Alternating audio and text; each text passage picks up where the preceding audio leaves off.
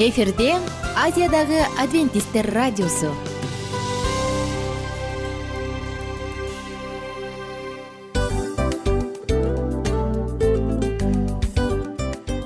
Достор салют. Баардык сүйүктүү угармандарыбызга салам айтабыз. Кутман күнүңүздөр менен. Ден соолук өмүрдүн булагы демекчи саламат саамы программасында баарыңыздарды көргөнүбүзгө абдан кубанычтабыз. Анда алгач амандашып өтөлү арбаңыздар деп. Ден соолугуңуздар кандай элибизде көбүнчө ден соолук кандай дегенде эле жакшы деп жооп беребиз э? ооруп турсак дагы жакшы дейбиз. Анан мен муну айтып ойлойт элем бул абдан сонун сөз депчи анткени бул жакшы деген үмүт да э ооба баары жакшы болот. Баары сонун.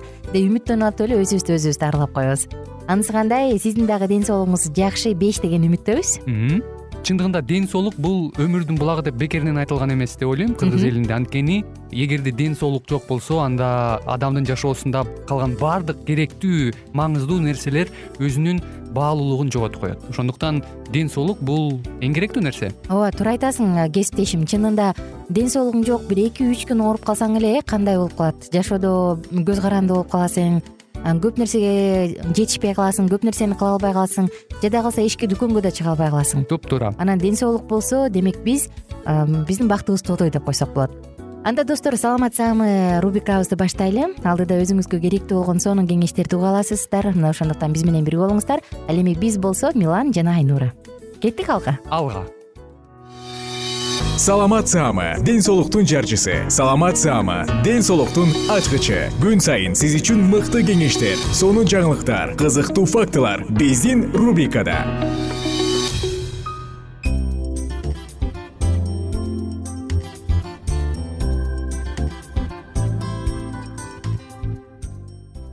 салют достор биздин сагынычтуу саламыбызды кайрадан сүйгөн жакшы көргөн угармандарыбызга айтабыз. Жана бүгүнкү уктуруу сиздер үчүн бүгүн сүннөткө отургузулуунун оң жана терс жактары деп аталган программабызды сунуштайбыз. Жана албетте бул тема ар бир кыргыз уул кызына өзгөчө уулдарга кызыктуу деп ишенем. Анда эмесе достор биз менен бирге болуңуздар. Кызыктын баардыгы алдыда жана сиз тыңдап жаткан бул саламат саама рубрикасы. Негизи бул сүннөткө отургузуу эң эле бирден бир байыркы хирургиялык процедуралардын бири э? Муну адамдар тээ илгертен эле тарыхтын илгертен эле билишет. Ал эми медициналык коомдо болсо кимдир бирөө ооба бул жакшы десе жок кимдир бирөө мунун кереги жок деп эсептешет. Айтор ооба жана жок деген плюс жана минус жактары бар. Негизи эле религиялык же диний маанисинен тышкары кандай медициналык аргументтер бар? Келиңиздер бирге карап көрөлү. Эң эле биринчи кезекте сүннөткө отургузуунун же чочок кесүүнүн артыкчылыктары. Мында жыныстык органдын баш жагын жакшылап жууганга мүмкүнчүлүк бар. Тагыраак айтканда мурунку уктуруубузда эсиңизде болсо айтканбыз эсиңиздеби сырткы тери аны жаап калгандыктан ичинде фимоз жана башка смегма сыяктуу бактериялар чогулат деп. Мына ушундай нерсени алдын алат. Кийинки кезекте фимоздун алдын алат. Тагыраак айтканда сырткы теринин ичкерип анан баш жагын жаап калуусунан сактайт ошондой эле жыныстык органдын баш жагын ар кандай инфекциялардан сактайт өзгөчө мырзаларда простата рагын ал эми аял затында шейка же матканын рак оорусун алдын алат. Жана канчалык бир деңгээлде вич спид менен вич спид жугуп калуу коркунучун дагы төмөндөтөт. Мисалы сүннөткө отургузулган эркектердин алтымыш пайызы дал ушундай жыныстык катнашта алтымыш пайызында тең алтымыш пайызга төмөндөтөт экен. Вич спид оорусунун жугуп калышын. Бирок ошентсе дагы сүннөткө отургузулган адам э, аял адамды мындай оору менен оорутуп койбойт же аял адамга жуктурбайт дегенден алыспыз. Ошентсе дагы ошентсе дагы достор бул мырзаларга бир аз болсо дагы коопсуз сексти камсыздайт экен. Бирок албетте сүннөткө отургузулгону вич спид оорусунан сактануунун бирден бир кандай десем коопсуз учуру же болбосо бир нерсеси деп айтканга алыспыз. Ошондуктан баары бир эгерде билбеген адам боло турган болсо же корко турган болсоң анда ар кандай презервативтерди колдонуу туура. Эми болсо сүннөткө отургузулуунун терс жактары. Эркектин жыныстык органынын башы коргоосуз калат. Тагыраак айтканда аны терини кесип салгандыктан бул эң эле сезимтал келген дененин органынын бир жагы терисиз же коргоосуз калат экен демек негизи бул эркектин эркектин жыныстык органынын сырткы териси кашты кирпик сыяктуу болгондуктан алда ал коргоосуз калат. Экинчиси сезимталдуулук төмөндөйт. Кимдир бирөө айтат бул жакшы деп. Кимдир бирөө айтат жок бул жаман деп. Мисалы сезимталдуулук төмөндөгөндө дагы баягы сексуалдык катнашта бул нерсе сөзсүз таасир берет дейт. Бирок кимдир бирөө айтат жок бул секс негизи андан ырахат алыш үчүн адам психикалык жактан дагы даяр болуп психикасы менен сезими эгүү айкалышкандыктан болот депчи. Айтор бул кандай десем талаш суроо. Ошондуктан негизинен жалпысынан бул сезимталдуулукту төмөндөтөрү аныкталган. Жана үчүнчүсү бул операциядан кийинки ар кандай коркунучтар? Мисалы эмне болушу мүмкүн? Мында кан агып токтобой калышы мүмкүн инфекция кириши мүмкүн гематома же шовтордун тигилген жиптердин ажырап кетиши. Мына ушундай коркунучтар бар. Албетте достор эркек баланы эгерде сиз сөзсүз жок мен баары бир деле сүннөткө отургузам десеңиз анда доктурдун катышуусу менен бул нерсени кылыңыз. Жана колдон келишинче эгерде жок мен баары бир эркек баламды сүннөткө отургузам десеңиз анда анын эрте болгону жакшы эми бул жөнүндө дагы сөз кылалы. Эркектер кандай шым кийиши керек? Эркек адам эч качан тыкыз э, мындай чапташып турган кийим кийбеш керек. Анткени жумурткаларда отуз алты градустан жогору болбош керек. Жумурткаларды жылытуучу температура эгерде адам отуз бештен жогору болбош керек. Эгерде адам эркек э, тыкыз шым кийип алса анда албетте жумурткалар дайыма кысылып анан ысык абада жүрөт бул болсо албетте анын физиологиялык кандайдыр бир өзгөрүлүшүнө алып келет дагы анан адам эркек балалуу эркек балалуу болбой калышы мүмкүн. Эми андан ары бизде кандай? Келиңиздер карап көрөлү. Негизи бизде кыргызстанда сүннөткө отургузулуу гигиена жактан таза болуп сезгенүүнүн алдын алат деп эсептешет. Жана сексуалдык жашоого оң таасири бар дейт элестетиңиз. Анткени сүннөткө отурулган адамдар сүннөткө отургузулбагандарга караганда сексуалдык жашоодон ырахат алышат деп айтышат. Баланы сүннөткө отургузгандан кийин кандай кам көрүп эмне кылыш керек? Жараты айыкканча зеленка менен левомиколь дары майын сыйпап марганцовка менен эки маал жууп туруу зарыл. Андан кийин ырымдап эле баягы кан чыгарып да койгон болот эмеспи? Ага бизде доктурлардын көпчүлүгү кошулбайт экен. Анткени бала жогоруда айткандай эки пайдадан куру калып сезгенүүгө кабылып жатат катасын кийин түшүнүп балабызды кайра туура отургузуп берсеңер дегендер дагы ысык көл нарында көп келишет экен. Ошондуктан туурасы кандай? Туурасы бул сырткы баягы терини кесип коюу. Айылдарда хирургдар керектүү жердин гана айланасын жансыздандыруучу наркозду жана скальпелди колдонуп балдарды отургузуп жүрүшөт. Бул туура эле. Учурда медициналык билими жок бирок башкалардан көрүп үйрөнүп керектүү аспаптарды сатып алып отургузуп жүргөндөр дагы бар андайлардын арасында жыныстык мүчөнүн башын кесип алгандар туура эмес отургузуп баланы майып кылгандар да кездешет. Каны токтобой азап тарткан балдар канча болот ии андайлар да толтура э? Ошондуктан мындай нерсени дагы эске алуу зарыл. Көбүнчө балдарды бизде кыргызстанда үч беш жети так сандарда отургузушат кимдир бирөө болсо жети күндөн кийин эле алып келип баламды сүннөткө отургузуп бериңиздер дешет экен. Отуз үч жылдын ичинде миңден ашык баланы сүннөткө отургузулган адамдар бар мисалы илгерки устараны колдонуп дагы отургузгандар бар айтор муну ар бири ар кандай э. Анан дин боюнча дагы сөзсүз отургузуш керек деген адамдар дагы жок эмес. Достор кандай болсо дагы баардык нерсе биздин өзүбүздүн ишенимибизге ынанымыбызга гана жараша эмес ден соолугубузга дагы жараша болсун. Ошондуктан отургузам же отургузбайм дээрден мурун албетте ар бир ата эне өзүнүн баласына эмне керек экенин чечет дагы анан ошого жараша жасайт достор ата энелер ар бириңиздерге жаратканыбыз акылмандуулук берсин эмне туура эмне туура эмес экенин айырмалап билгенге. А мен болсо сиздер менен коштошом жана кийинки уктуруудан амандашканча деп коштошуп акыркы саламымды айтам. Достор алдыңкы уктуруулардан кайрадан амандашканча күнүңүздөр көңүлдүү улансын. Кененирээк маалыматтар үчүн үч w чекит саламат чекит клуб сайтына келип таанышыңыздар. Жана андан тышкары социалдык тармактарда youtube facebook жана instagram баракчаларына катталыңыз.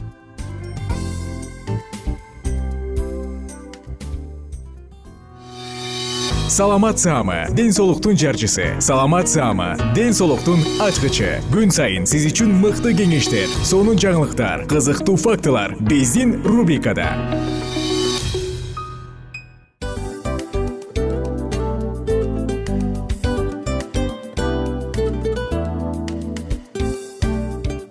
салам достор. Кайрадан биздин сүйүктүү рубрикабызга кош келиңиздер деп айтмакчыбыз. Баардык замандаштарыбызга арбаңыздар деп саламыбызды айтабыз. Улуу ушундай бир э, урматтаган учурашуу менен анан дил маек радио баракчабызга чакырабыз. Негизи дил маек биздин рубрикабызда эмне жөнүндө кеп кылабыз? Бул дил маектин мааниси эмнеде? Рубрикабыз менен кичине тааныштырып кетсеңиз сөзсүз түрдө тааныштыра кетейин кесиптешим суранычы боюнча бул учурда бул радио баракчада биз ар тарап кесип ээлеринен сонун кеңештерди алабыз сүйлөшөбүз сырдашабыз аталарыбыздын эжелерибиздин апаларыбыздын кеңештерин угабыз. Айтор жан дүйнөгө адамдын э, сапатына адамдын деги эле адам болуп жашашына керектүү баардык кеңештер алдыда негизи э, дил маек дегенде баягы эки адамдын ортосундагы сырдашуу кенен сүйлөшүү. Негизи эле биз адамдар бири бирибиз менен бир жерге жай жерге отуруп алып өзүнчө тынч э, жашоо жөнүндө өмүрүбүздө эмне болуп атканын бөлүшкөнү жакшы көрөбүз э адамдар. Ооба туура айтасың. Анан мындай учурга кээде убакыт да жетпей келет э. Же болбосо сырыңды кайгыңды муңуңду кубанычыңды айткың келет а адамга ишенбешиң мүмкүн. Ооба. А бул радио баракча угармандарыбыздын чыныгы досу. Анткени бизден алган кеңеш сиздин жашооңузга чоң жардам берет ал эми сиздин бизге айта турган сөзүңүз ортодо гана сыр бойдон калат. Ошондуктан биздин дил маек рубрикабызга дагы бир жолу кош келиңиздер. Жана биз даярдаган маалыматтарга даяр болуңуздар. Айнура жана милан сиздер менен бирге алдыга кеттик. Ар түрдүү ардактуу кесип ээлеринен алтын сөздөр жүрөк ачышкан сыр чачышкан сонун маек дил маек рубрикасында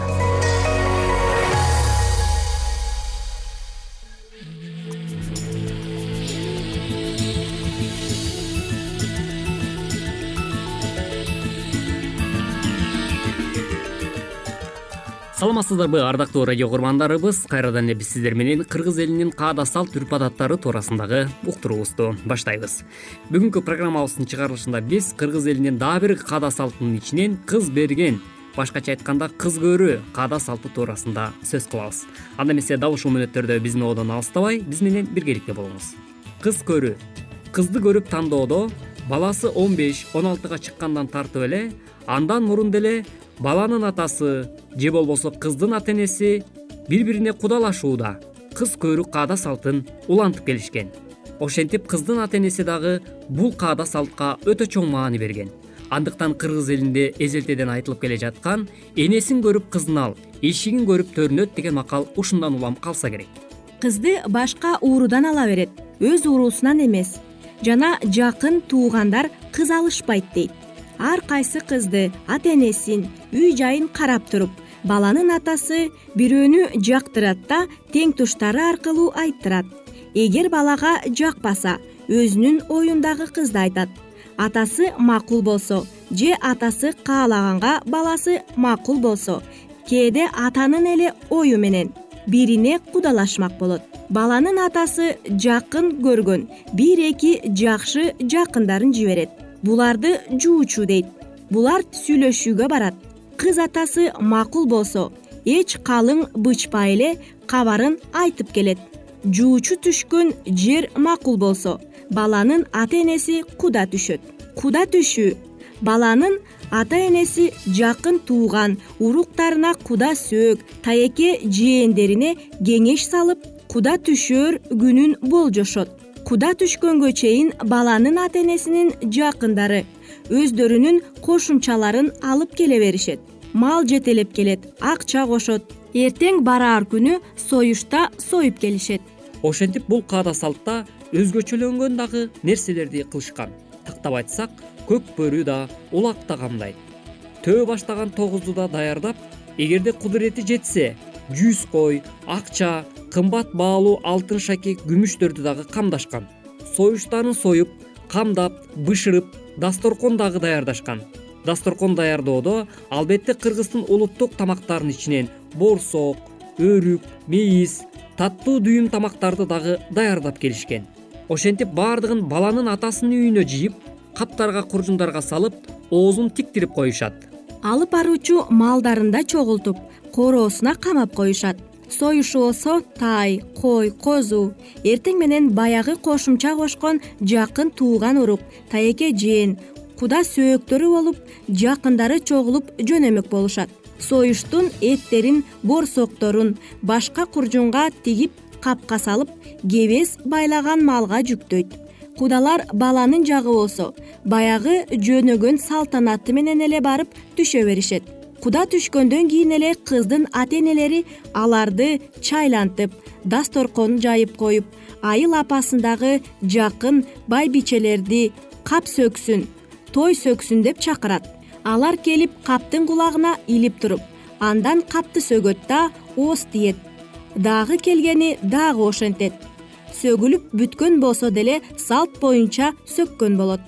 Анан капты ачып кап сөккөндөрүнө көтөрүшүнчө учанын мүчөлөрүн карчыга жамбаш алып коюп борсоктон кошуп кетээрдек көтөртөт. Айыл апа дагы элди чакырып таратат ошол эле кезде кыз атасынын төрүндө жасалган үйдө көшөгөдө өзү да жасанып кийинген кыз келин тең туштары менен отурган болот. Кыз келиндер жакындары кызга тиешелүүсүн төшүн кер чүйөсүн жүрөк бөйрөк шыйрагын жейбиз келип жыйналган болот. Аларга жогору саналгандарды тартат. Алар комуз кагып отурган болот андан кийин кыздын кайненесине кыздын жеңелери кыз көрөбүз деп келишет. Ал сонун жасалган күмүш сөйкөнү үч төрт жүз сом акча алып барат да кызды бетинен өөп сөйкөнү салат. Сөйкө салды деп атайт. Акчаны көрүндүк деп кудагыйына берет. Кудагыйы ошондо отурган аял кыз келиндерге бөлүп берет.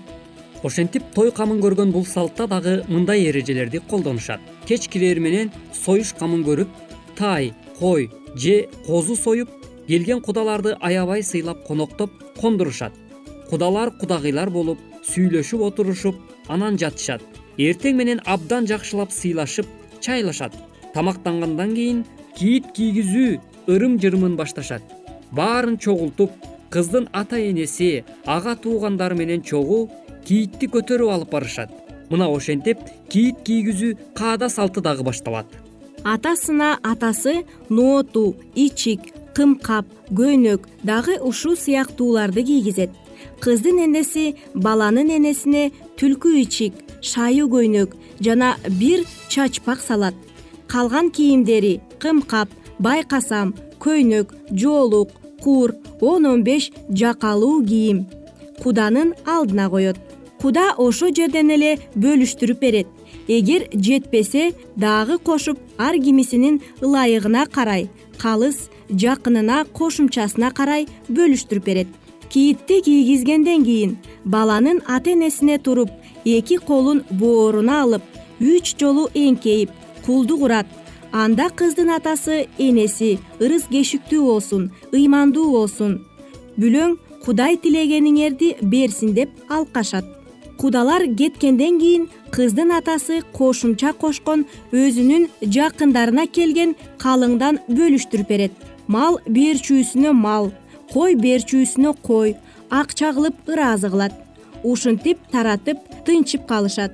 Баланын ата энеси да үйлөрүнө барып ылайыгына карай тон көйнөк жоолук жана башка кылып кийиттен бөлүштүрүп берип таратат мына ошентип кымбаттуу угармандарыбыз бизге бөлүнгөн убактыбыз дагы ушуну менен өз соңуна келип жетип калды. Бүгүнкү радио уктуруубузда сиздер дал ушул кыргыз элинин каада салттарынын ичинен кыз көрүү башкача айтканда кыз бермей каада салты туурасындагы айрым бир кыргыздын жөрөлгөлөрү туурасындагы каада салттарга кулак сала алдыңыз. Уктуруубузга кулак төшөгөнүңүз үчүн ыраазычылык билгизебиз. Кайрадан эле биз сиздер менен дал ушул аба толкундан үн алышканча амандыкта болуңуз ар түрдүү ардактуу кесип ээлеринен. Алтын сөздөр жүрөк ачышкан сыр чачышкан сонун маек. Дил маек рубрикасында.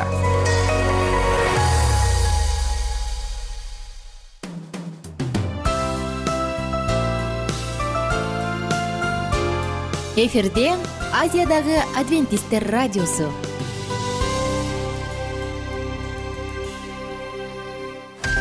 жан дүйнөңдү байыткан жүрөгүңдү азыктанткан жашооңо маңыз тартуулаган жан азык рубрикасы.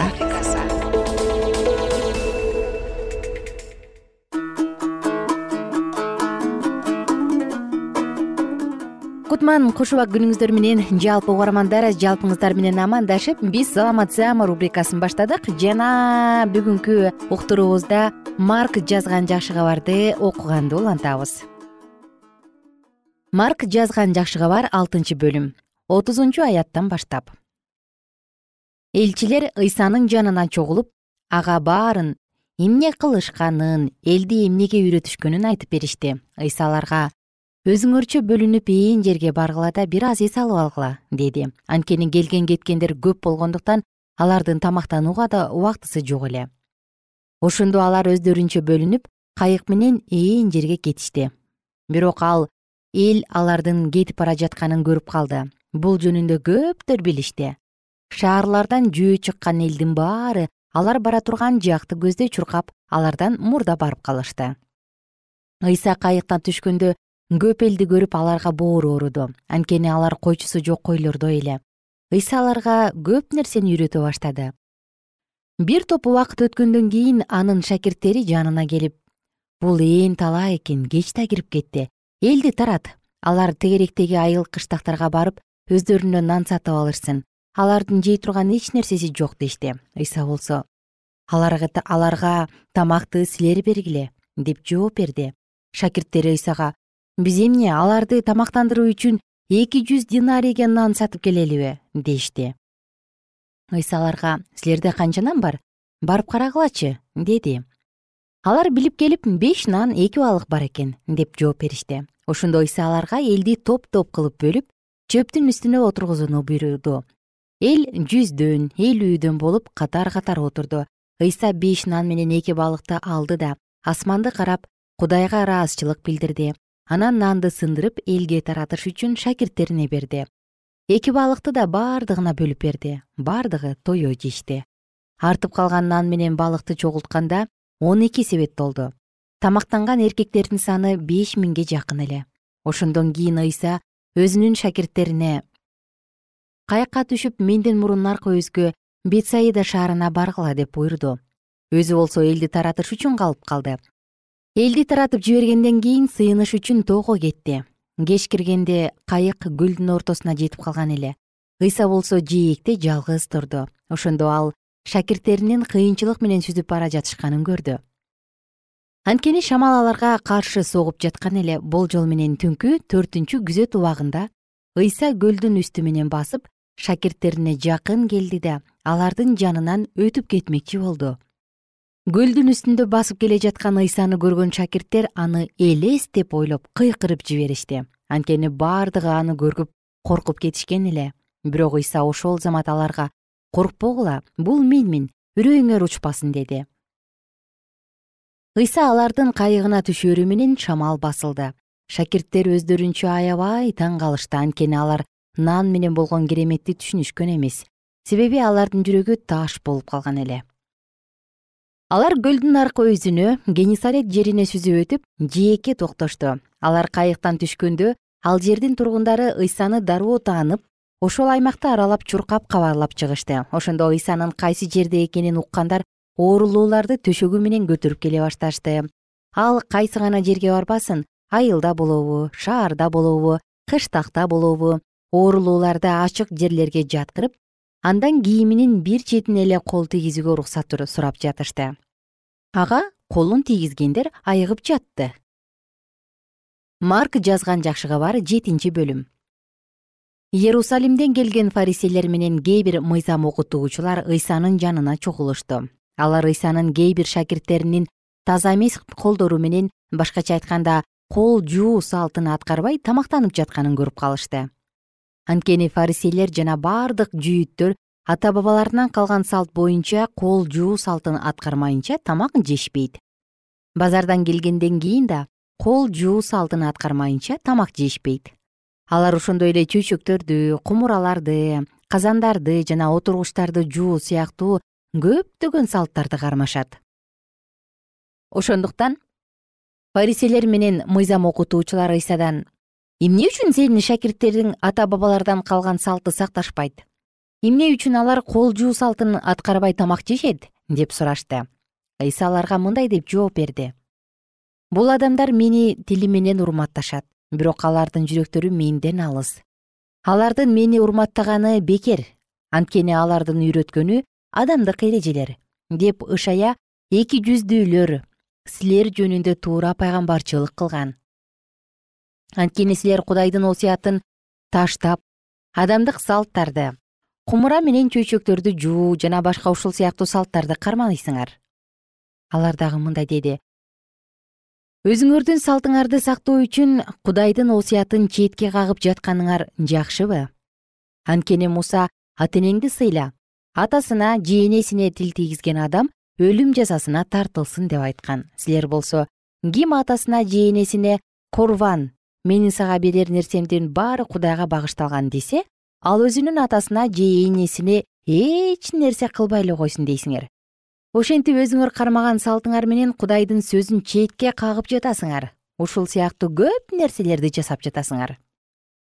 Анан кайрадан элдин баарын жанына чакырып баарыңар мени угуп түшүнүп алгыла. Адамды сырттан кирген нерсе арам кылбайт. Тескерисинче ичинен чыккан нерсе арам кылат. Кимдин кулагы бар болсо ал уксун деди. Ыйса элдин жанынан кетип үйгө киргенде шакирттери андан үлгү насаат аңгеме жөнүндө сурашты ыйса аларга силер дагы эле түшүнө элексиңерби адамды сырттан кирген нерсе арам кыла албастыгын кантип эле түшүнбөйсүңөр?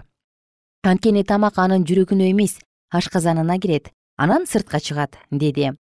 Ыйса бул сөздөр менен тамактын баары таза экенин билдирди. Анан ыйса сөзүн улап адамды ичинен чыккан нерсе жаман кылат. Анткени ичтен адамдын жүрөгүнөн жаман ойлор ойноштук кылуу бузуктук кылуу киши өлтүрүү уурдоо кошомат кылуу ачуулануу куулук дүнүйөкордук көрө албастык кудайга акарат келтирүү текебердик акылсыздык чыгат. Мына ушул жамандыктын баары адамдын ичинен чыгып аны арам кылат деди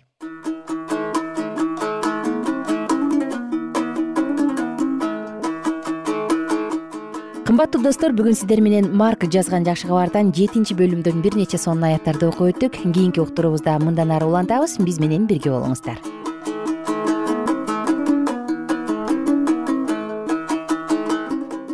Эгер сиздерде суроолор болсо же көбүрөөк маалымат билем десеңиз анда биздин whatsapp номерибизге жазыңыз. Плюс бир үч жүз бир жети жүз алтымыш алтымыш жетимиш. Кайрадан плюс бир үч жүз бир жети жүз алтымыш алтымыш жетимиш.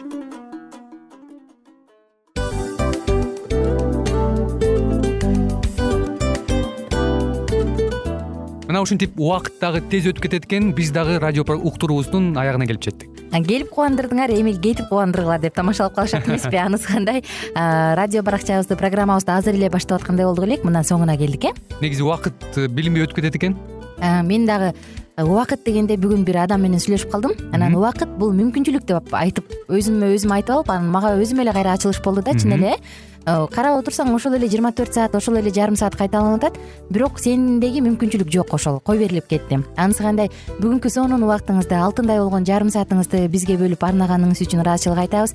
Анан жашооңуздун кайсы бир сферасын өзгөртө турган сонун пайдалуу кеңеш алган болсоңуз анда биз максатыбызга жеттик. Анан ушул нерсени кылбасам десеңиз ошол өзгөрүүлөрдү кичинекей кадамдардан баштап иш жүзүнө ашырыңыз дагы жашооңузда чоң чоң ийгиликтерге жетиңиздер чын жүрөктөн ар бир берилген кеңештер сөздөр сиздерге пайдасын алып келет деп ишенебиз. Жана кийинки уктурууларда сөзсүз түрдө чыдамсыздык менен сиздерди күтөбүз. Сагынычтуу салам айтып кайрадан дал ушул жыштыктан баардыгыңыздарды тосуп алганча. Кызматта мен айнура жана кесиптешим милан анда кол пул жалпыңыздарга ийгиликтүү күн. Саламатта калыңыздар